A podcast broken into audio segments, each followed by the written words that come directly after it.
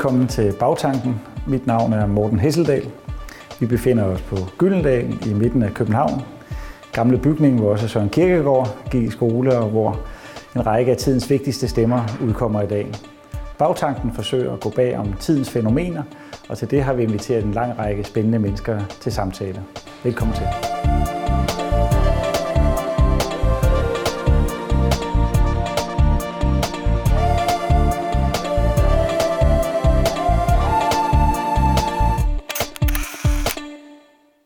Velkommen til Bagtanken. Det er jo sådan et program, som ikke i sig selv har nogen bagtanker, men som forsøger at se bag om nogle af tidens fænomener og se, om vi kan blive lidt klogere på det. Og ja, i dag har vi inviteret dig, Per Helge Sørensen, i studiet for at, eller på kontoret her, for at se, om du kan gøre det klogere på det fænomen, der man kunne kalde for moderne ledelseskultur. Velkommen til. Tak skal du have. Du har en blandet baggrund. Øh, du har været i store organisationer i et ministerium. Du har været i Danmarks Radio og siddet i ledelsessekretariatet der. Du har skrevet to kriminalromaner. Og så er du måske nok allermest overraskende uddannet elektroingeniør. Meget mærkeligt. Meget, Meget mærkeligt CV. I hvert fald, når det fører frem til, at du har i siden øh, 13 har haft stor succes med din øh, forestilling, der nu er kommet i tre øh, aftapninger, Tjøf med løgn. Hvad var det, der fik dig i gang med at lave den her serie forestillinger? Hvad var det, der var det, der kickstartede det? Jamen, jamen det var jo egentlig, øh, altså på den ene side havde jeg selvfølgelig et ønske om at optræde, jeg havde fundet ud af, at, at jeg synes, det var sjovt, øh, men samtidig sad jeg jo i en stor organisation, og, og begyndte faktisk at, at tage noter, når der skete nogle af de der absurde ting, øh, og, og vi satte strategier i gang, som aldrig blev til noget, eller vi lavede på et tidspunkt en vision og en mission, som vi endte med ikke at kommunikere, fordi vi tænkte, vi kan ikke forstyrre medarbejderne med det, vel, fordi ledelsen har haft det sjovt. Øhm, og, og så tænkte jeg, det er simpelthen løgn. Det er dygtige mennesker, der arbejder virkelig hårdt, og alligevel er det så absurd. Øh, og så begyndte jeg at tage noter og tænkte, det her kan godt blive sjovt. Det ligefrem sådan, du ser, at der var i organisationerne to uafhængige verdener, altså en ledelsesverden, hvor man tænkte om vision og mission, og så der, hvor der faktisk blev bestilt noget blandt medarbejderne øh, i resten af organisationen. Ja, det var faktisk præcis den oplevelse, jeg fik. Jeg sad deroppe i toppen af organisationen. Vi ville så gerne sætte noget i gang. Ej, vi skulle lave strategier og være mere innovative, eller i hvert fald lave en omstrukturering, det kunne man jo altid. Øhm, og, og så opdagede på et tidspunkt, man tror selv, man er på de gode side, så opdagede jeg, måske var vi ikke på de gode side, fordi måske var de gode, det var medarbejderne, som rent faktisk på trods af, hvad vi hældte ned over dem, stadig forsøgt at passe deres arbejde helt ufattelig lojalt, øh, og, og som oplevede vi øh, et eller andet sted langt hen ad vejen var en forstyrrelse. Mm. Altså kunne de dog for så han bare fået lov til at lave det, det som fik butikken til at køre. Øhm, og det blev altså nogle gange sådan en, ja, lidt sådan en leg, det der foregik. Og der var sådan et, et, et, en maskine, der skulle fodres med strategier og, og, og, og byråkratiske dokumenter og direktionsmøder hver uge, der skulle køres igennem. Øhm, og, og, og meget af det, det ser jo simpelthen aldrig ned øh, gennem de der to-tre lag chefer til den menige medarbejder. Og man må jo sige, at du har virkelig ramt noget, ikke? fordi folk er jo væltet ind til forestillingerne, og det er jo ikke det typiske teaterpublikum, der er ja. kommet der frem. Nej, nej, altså det var jo, da, da pizzede det en til teaterdirektør på Nørrebro Teater, så det var Kitte Wagner, så sagde hun, ja, det, det er meget sjovt, men altså, det er jo ikke noget, vi skal regne med at sælge billetter, det her. Vi gør det for samfundets skyld. For hun følte, det var en vigtig samfundsdebat. Public service. Ja, det var sådan lidt public service, så ville der måske komme 500 mennesker. Mm. Og så, så, så endte vi jo med at sælge bare til det første show, tror jeg, vi solgte 25.000 billetter. Mm.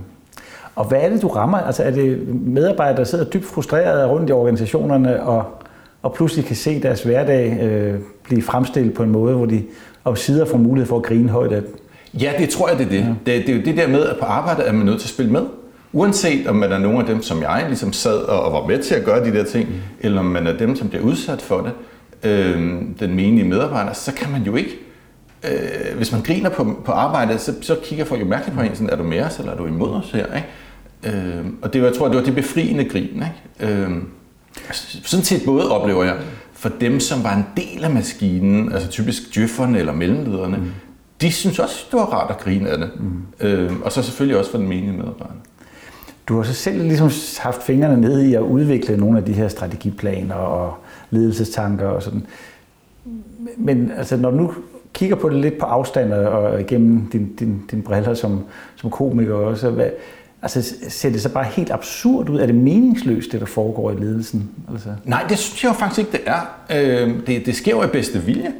Øh, og, og, og i virkeligheden er der også der er jo brug for ledelse. Ikke? Øh, det, jeg, jeg tror, det, det handler noget om, at det er svært at ramme noget, der giver mening. Det rammer, rammer niveauet, ikke? fordi på den ene side sidder ledelsen af, af måske en organisation med, med 500.000, 3.000 medarbejdere, og når de laver en strategi, så kan den, kan den jo ikke forholde sig til den enkelte medarbejders situation, til, til Peter nede på lageret. Hvad skal han? Man, man, og så ender man tit med, at det bliver sådan noget med, øh, vi skal være skarpere, eller vi skal være innovative, mm. eller vi skal være agile. Mm. Øh, nogle af de her ord, som jo tit bare dækker over, hvis man en, 90% af alle strategier betyder i virkeligheden, vi synes, det går lidt dårligt, og vi kan godt tænke os, det gik lidt bedre. Mm. Men så pakket ind i alle de her djøford, ikke? Og det er jo den ene side. Og så sidder man nede hos medarbejderne, og jeg oplever egentlig, at medarbejderne også efterspørger det. Mm. det. Jeg har da tit siddet og drukket øl med alle mine kolleger og tænkt, kunne de dog for hulen sige, hvor vi skulle hen? Mm. Kunne vi dog få en retning? Fordi man jo også som medarbejder oplever, at det er lidt kaotisk, og hvad skal vi, og hvor, hvor er vi på vej hen? Problemet er bare, at det, der så kommer ned, det ikke rigtig sætter den Jamen, Er det fordi, at sprog, det bliver fortalt i, at nu skal være en ny strategi, og den her retning her, er, er i sig selv er latterligt, eller er det ikke rigtig appellerer til medarbejdere i organisationer? Er det, er det simpelthen for let at gøre nar om alle de her, at nu skal vi være skarpere, eller nu skal vi implementere det og det? Og, altså. Det er jo fordi, at, at man, man, det har jeg i hvert fald selv oplevet, at vi, var, vi gjorde, øh, at man, man skriver sig hen over en bundløs sum af uvidenhed om, hvad der i virkeligheden foregår. Så ledelsen ved ikke, hvad der foregår i organisationen? Ikke rigtigt. Nej. Man ved ikke rigtigt op i toppen, hvordan man rent faktisk producerer produktet. Hvordan man laver tv-program, eller hvordan man øh, producerer en bog, eller man har sådan en fornemmelse, mm. øh, men, men man ved det ikke helt. Man ved ikke, hvad der, hvor det brænder på dernede. Og selvom man ved det, så er man jo nødt til at lave noget, der samler organisationen. Så derfor kan man jo ikke sige, at øh, vi skal blive bedre til at indhente gode tilbud på produktion af vores bøger. Det kan de jo ikke øh, relatere til over i salg. Så det bliver sådan, at vi skal have skarpere løsninger, og så skriver man sig ind i sådan en... Jeg kan huske, at jeg har siddet til de der møder, mm. øh, hvor, hvor vi sagde, at vi er nødt til at have en samlet overskrift på det her. Vi er nødt til ligesom at sætte en retning, som kan få folk til at... Og, og så blev det sådan noget... For tiden er ordet skarp. Mm. Øh, det, er jo, det er jo virkelig... Øh, altså, der er jo ikke nogen, øh, der siger effektiv længere, eller innovativ. Det er også lidt træt ord, ikke? Mm. Men skarp. Altså selv i bagdysten mm. er kagerne skarpe. Mm. Øh, og om, om fem år, så er der ingen, der kan sige skarp længere, fordi så er ordet slidt op. Ikke? Jamen, er det så et kæmpe mærkeligt spil, der foregår på, øh, i store organisationer og arbejdspladser, hvor man til synlædende kommunikerer med hinanden, og til synlædende udstikker nogen følgeretning, men det er kun til synlædende. I virkeligheden er det ikke det, der sker. I virkeligheden foregår de fleste ting mere uformelt, og sådan ligesom, altså så bliver tager beslutningerne ofte sig selv. Ikke? Det er jo det øhm, modsatte af strategi, kan man sige. At, det er jo præcis det, man ja. forsøger at undgå med strategi, men fordi man har en oplevelse af, at strategien i virkeligheden ikke altid øh, eller sætter en konkret retning, når man sidder øh, med sine mellemledere og nogle medarbejdere. Øh, altså, der er jo ikke noget mere træt end sådan en mellemleder, som siger, når der er kommet en ny strategi, kigger på papir og siger, jeg læser bare op. Og så der tager ingen ansvar for det, fordi det giver ingen mening for nogen af dem, der er til stede. Og så sidder man lidt, og så forsøger man, så er der sådan en fortolkningsproces. Må ikke det, de mener, mm. er enten, at vi skal gøre det, vi plejer. Det er jo rigtig rart for medarbejdere, det ender det jo tit med. Eller også, må ikke det, de mener, er, at vi skal gøre det, vi selv lidt havde tænkt kunne være en god idé. Ikke? For når man øh, ser dine shows, så er det som om, du har rigtig meget sympati for mellemlederen. Altså den, der kommer i klemme mellem de, de store stilede planer fra topledelsen, og øh, dem, der er på gulvet, som faktisk øh, ligesom kan sige ja og nej, som vedkommende skal overbevises overbevise om noget. Så det, det er som om, at det er mellemlederen, der ligesom er den, der, der, der taber her, ikke? fordi man ikke kan leve op til ledelsens forventninger, og ikke rigtig har gennemslagskraft længere ned. Ja, og altså, det, det, er jo, det er jo klart, at det er der sympatien ligger, for det var jo det, der var mig selv. Mm. Det var den, altså måske ikke som, som mellemleder, men som sådan en direktionsstrategikonsulent, som skulle øh, formulere tingene ned i organisationen, som jo på den ene side skal sidde til møde med topledelsen og, og direktionen og sige, ja, det er super fornuftigt, ja, det er det her, vi skal.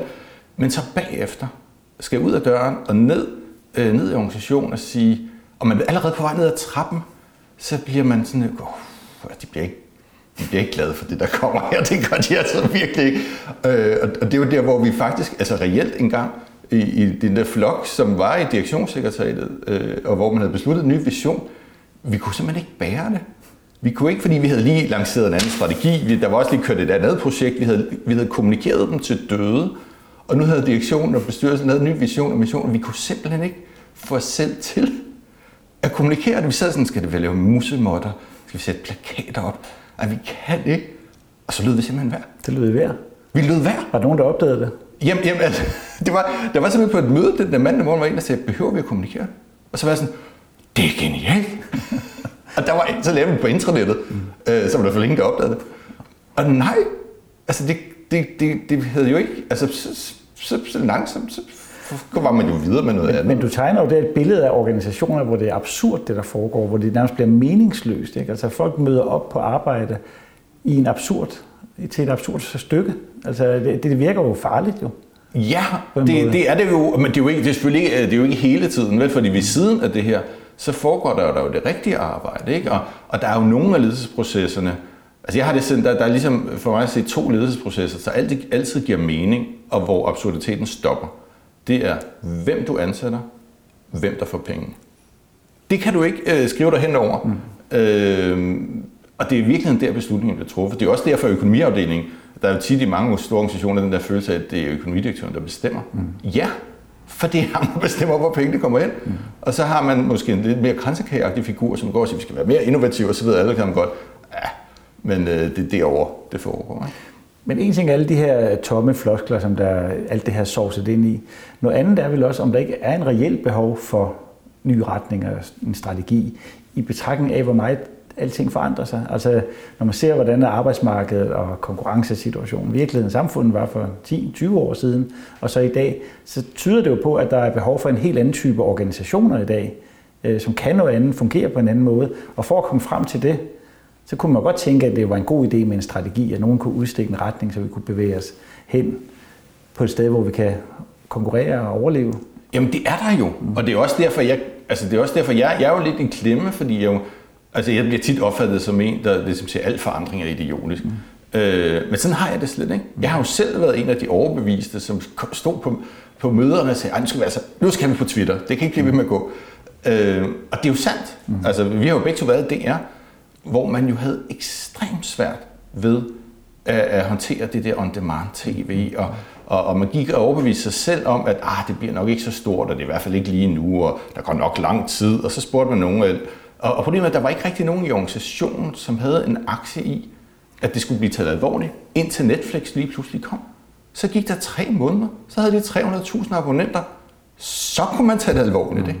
Og det er jo det. Altså tænk på Kodak, tænk på Nokia, tænk på alle de virksomheder, hvor man jo også har gået og sagt, ah, så har man taget sådan et eller andet innovativt projekt i gang, og sat en eller anden lille arbejdsgruppe til det, som ingen tog alvorligt og, og så blev det ikke til noget, og lige pludselig var man gået konkurs. Men det tyder på, at man så først reagerer, når man netop er forulykket. Altså øh, når Netflix først er der, eller når der først er nogle andre, der bare udkonkurrerer det, man nu øh, tilbyder markedet. Ja, og det, og det, øh, jeg, jeg selv, øh, jeg har sådan jo, øh, ligesom dig jo, et, et vist forhold til forlagsbranchen. Øh, og, øh, og jeg, jeg kan huske et forlag, øh, som, som virkelig gerne ville det her med de, de digitale bøger øh, op på topledelsen, der var innovative ledelse, og vi skulle ud over, og det var læremidler, og, og det var der, hvor der faktisk rykker noget med digitalisering. Øh, og det besluttede man. Men da det kom ned til dem, der sad og lavede øh, matematikbøger, så, øh, så kunne de jo godt sige, jamen det er altså bøgerne, vi tjener penge på. Mm-hmm. Og, og, og det kan det godt være, at topledelsen synes, det her det er funky, men når det her år er gået, så bliver jeg bedømt på, om jeg har holdt mit budget. Mm. Så de tog alle de gode forfattere og brugte dem til bøger. Mm. Så hyrede de en eller anden stakkels ung kvinde, gav hende alle de dårlige forfattere, de kunne bruge til bøgerne, så lav lige et eller andet digitalt. Mm. Og så blev det selvfølgelig en fiasko, og så kunne alle bagefter sidde og sige, nej, det kan I se, det går aldrig godt. Og lige pludselig, så var det der, at man skulle men, men er det et udtryk for, at strategi er en dårlig idé, eller er det et udtryk for, at der er en dårlig ledelse i den konkrete situation? Det, det, er, jo, det er jo, kan man sige, altså kan man sige, det er jo et udtryk for det samme, det der med, at ting ikke når ned til bunden. Mm. Øh, og nogle gange er det lige meget. Altså nogle gange er det bare sjovt med den der vision, vi aldrig kommunikerede. Det, mm. det var der nok ikke nogen, der savnede. Men andre gange, mm. så er det jo faktisk øh, virkelig farligt. Ja, fordi det du jo kaster skarpt lys på i dine forestillinger, det du siger nu her, det er jo, på den ene side er der en efterspørgsel på en retning. Øh, der er måske også et behov for, at man sætter en retning, når nu verden skifter så meget. Samtidig så virker det som om, at når man så gør det, så gør man det på en måde, som er latterlig, og hvor der ikke er en forståelse i organisationen mellem toppen og det, der egentlig foregår i organisationen. Så der er et behov, men det bliver bare, for at bruge et grimt udtryk, eksekveret på, en, på en uheldig måde. Ja, og, man kan, og måske er der, øh, nu sidder jeg bare og tænker højt, ikke? Ja. Men, men, men det slår mig, om der måske er sådan en slags ulven kommer-effekt i det, at hvis du tre-fire gange har oplevet, mm. at øh, ledelsen sætter et kæmpe strategiprojekt i gang, vi skal alle sammen til Nyborg Strand, vi skal mm. sidde ude i grupperne, vi skal Og, og, og, og så er man færdig, og så ender det med at være sådan en glittet brochure, hvor vi skal være bedre til at eksekvere. Øhm, så næste gang det sker, så er det i hvert fald ikke de dygtige medarbejdere, der går ind i det projekt. Det er de nye. Så kommer de det nye. Ej, jeg siger, de så noget i gang. Ja. øhm, og, og, og problemet er, dengang, altså på det tidspunkt, hvor det så det projekt faktisk lige pludselig er vigtigt, så bliver det måske heller ikke taget alvorligt. Ja, fordi det er jo noget, man genkender i alle organisationer, den der enorme træthed over de der processer og de eksterne konsulenter, der kommer ind og faciliterer det, og bliver brugt millioner af kroner i det her samfund. Men igen vil jeg lige vende tilbage til, hvis nu behovet er der, og medarbejderne efterspørger det, hvordan, hvordan kan man så blive bedre til det? Altså fordi du, du, du sætter jo præcis fingeren på, hvor komisk det er, øh, og hvor svaghederne er. Men har du nogle idéer til, hvordan man kan komme om på den anden måde, og anden side af, af problemstillingen? Altså, jeg ville jo ikke, jeg havde det, fordi så, så kunne jeg øh, skrive en bog til Gyldal Business og lave deres foredrag. Jeg synes, jeg, altså, jeg var jo heller ikke god til det. Jeg synes, det jeg oplever, det er der, hvor det virker. Det er, hvis der er en, øh, blandt de mennesker, der laver strategien, en indsigt i, hvad det faktisk konkret er for nogle problemer og udfordringer og beslutninger, der er brug for at træffe nede på gulvet. Ikke? Der er den der kobling, og man så rammer niveauet Øh, altså vi var jo begge to på et tidspunkt i DR. Øh, der, der lavede, blev der lavet meget føleri, men der blev altså også lavet nogle rigtige ting. Ikke? Mm. Der blev på et tidspunkt for eksempel flyttet en masse penge fra nogle af de andre tv-kanaler til DR1, mm. fordi man, man er nødt til at prioritere hovedkanalen. Og det havde faktisk en effekt. Mm. Øh, så man kan godt træffe rigtige beslutninger, øh, men, men det kræver, at man rammer niveauet, og det kræver, at man beslutter ting, som faktisk kan og bliver ført ud i livet længere nede. Ikke? Har du oplevelse af, at der er forskel på private og offentlige organisationer, når det kommer til øh, ledelseskultur og udrulning af strategier og den slags? Ja, jeg tror, der er nogle forskelle, øh, men, men altså, jeg, jeg, jeg optræder, optræder både for offentlige og private virksomheder. Jeg oplever i hvert fald ikke, at de private griner mindre. Nej. Øh, altså, jeg har både optrådt i ISS og Novo, øh, og jeg, altså, når, når organisationen bliver stor nok, så får du den der frakobling, og så får du et lag af mennesker, som måske ikke øh, ved nok om, hvad det er, der sker dernede, og som, som, som øh, i nogen grad så bare bliver sådan en produ- øh, et, et lag, der producerer strategier eller HR-planer, eller hvad det nu er. Ikke? Har du tænkt på, om der er nogen forskel på, om der er en, en grundlægger, stifter til stede stadig i en organisation, i forhold til de her organisationer, som på den måde er faderløse eller moderløse. Altså de er, det funktionærer, der er ansat til at drive DR eller mange af de store private virksomheder. Ejerne er ikke selv til stede. Vil det gøre en forskel, om det er en organisation, hvor ejerne er til stede i forhold til en organisation, hvor alle ligesom er lønmodtagere fra den administrerende direktør til, til manden på gulvet? Jeg ved, jeg har ikke oplevet det. Jeg, jeg, mit gæt er det, at, at en ejer kan være lige så idiotisk som en ansat direktør, eller lige så dygtig. Ja. Øhm, og der måske lige fra min ejerdrevet øh, virksomhed kan være et større problem med at få sagt til direktøren, at det der med stadig at have Lindø-værftet, det er ikke nogen god idé, mm. eller hvad det nu er. Ikke? Øh, det, jeg tror, det handler meget om størrelsen på virksomheden. Jeg oplever, altså når, jeg, når mit show ikke fungerer, når det falder fuldstændig til jorden, så er det, når jeg optræder for øh, sådan nogle små øh, industrivirksomheder i Vejle. Okay. De kan simpelthen ikke genkende det, jeg snakker om. Nej. De har ikke engang en IT-afdeling. De går bare og laver nogle møtrækker, de sælger ned til tyskerne. Øhm, altså, de aner ikke, hvad jeg snakker om. Så, så, så din succes i virkeligheden, det beror på også, at man kan genkende sig selv med en organisation med de her mange lag og hierarkier, og det er det her absurde spil mellem de mange lag, som i virkeligheden ja, er... for ellers kan de ikke genkende det, jeg snakker om. Så er det jo ligesom at, at, at, at optræde for en flok 20-årige, der aldrig har haft et arbejde. Ja. Så er det sådan, givet, at det er da noget mærkeligt noget. Ikke? Så der er jo helt klart, når, øh, når, når virksomheden bliver små nok, ikke, så, øh, så er de her effekter der ikke. Jeg tror, det, det er meget det, det handler om. Men det er jo en skræmmende tanke, at folk møder ind til noget, som jo de oplever som meningsløst. Fordi det er jo ikke sådan, at strategier fylder mindre og mindre, og ledelsestænkning, og hver eneste uge bliver der produceret ledelsesbøger, som forsøger at håndtere de her problemstillinger. Det er jo en skræmmende tanke, at, øh, at det, der til synligheden er så stor en modvilje i organisationerne, i hvert fald, at man ser på det med, med, en, øh, ja, med, som, som noget absurd mere end som noget velkomment. Men jeg synes, jo, jeg synes jo trods alt, i forhold til da jeg startede i 2013, hvor, hvor jeg var måske sådan den første, der sagde det her højt i det her i, i Danmark, så er der jo nu et enormt fokus på det. Ikke? Der, der er udgivet bøger om, om pseudoarbejde, øh, du har du har sådan den korte radioavis, mm. øh, som jo også spiller op omkring nogle af de her ting. I USA har du bøger om functional stupidity, mm. øh, om, om præcis de samme ting, hvordan man kan blive en succes, og alt hvad man laver idiotisk. Øh, så der er også et fokus på det. Det store spring, det er jo, øh, hvordan kommer man så mm. derhen til, hvor det holder op med at være idiotisk. Mm. Øh. Det er fordi mange af de her organisationer, også dem du selv har været en del af, det består jo af meget veluddannede, meget begavede medarbejdere, som jo i løbet af en brøkdel af sekund gennemskuer, når nu ledelsen med deres konsulenter kommer frem med, med et nyt strategiprojekt. Øh, og der kommer aldrig noget ejerskab blandt medarbejderne øh, der. Øh, er det ikke som om, at man så også måske stiller for, for, for, for lave krav til, til strategiudformningen og, og måden, man formidler det på? Altså at man lader sig noget i topledelsen, og derfor præsentere noget, der simpelthen ikke er i orden for medarbejderne.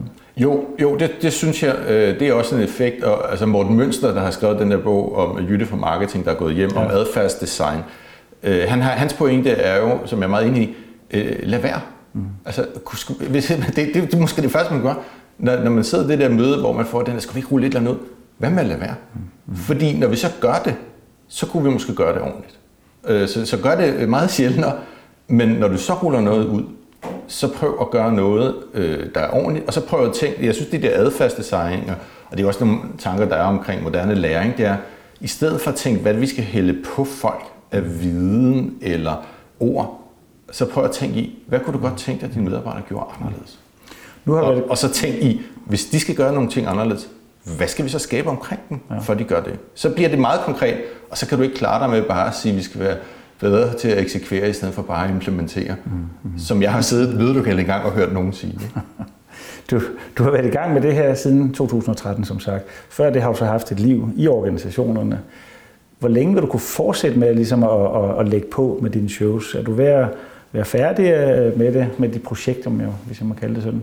Jeg, jeg tror, jeg er ved at være færdig i, i forhold til det her med at have et, øh, et live show, om, hvor jeg står og, og gør grin øh, med det på scenen. Øh, Øh, jeg, jeg har jo jeg, jeg har selvfølgelig, øh, som alle andre øh, kreative i det her land, en drøm om at lave en tv-serie øh, om, om det eller, øh, og jeg skriver jo nogle, nogle klummer fra Døfbladet, øh, og der har det ikke indtil videre været et problem at skaffe inspiration, fordi det jo hele tiden antager nye former. Der er jo hele tiden nye eksempler på den samme problemstilling. Øh, men, men jeg tænker, i forhold til min egen sådan, øh, stand-up øh, storytelling, som jeg laver, der skal jeg finde ud af, hvor jeg skal gå hen med det. Jeg hører dig ikke sige, at du er på vej tilbage i de her organisationer og træde ind i strategilaget for at, ligesom at bringe dine erfaringer i spil. Nej, altså, og det, er jo egentlig ikke fordi, at jeg tror, at jeg har brændt min bror. Det tror jeg sådan set ikke, jeg har. Øh, det er mere en erkendelse af, at jeg, at jeg ikke er særlig god til det. Altså, jeg, fordi jeg, jeg kan ikke tage det alvorligt selv. Og hvis man ikke selv tror på strategien, når man står og kommunikerer den, så er der i hvert fald ingen, der fører den ud i livet. Så er det svært. Tusind tak, Per Helle Sørensen. Tak fordi du kom her. Tak for denne gangs udsendelse af Bagtanken. Vi vender snart tilbage med en ny sending, hvor vi kigger bag på de fænomener, der er i tiden, se om vi kan blive klogere på det. Tak til seerne. Tak fordi I kiggede med.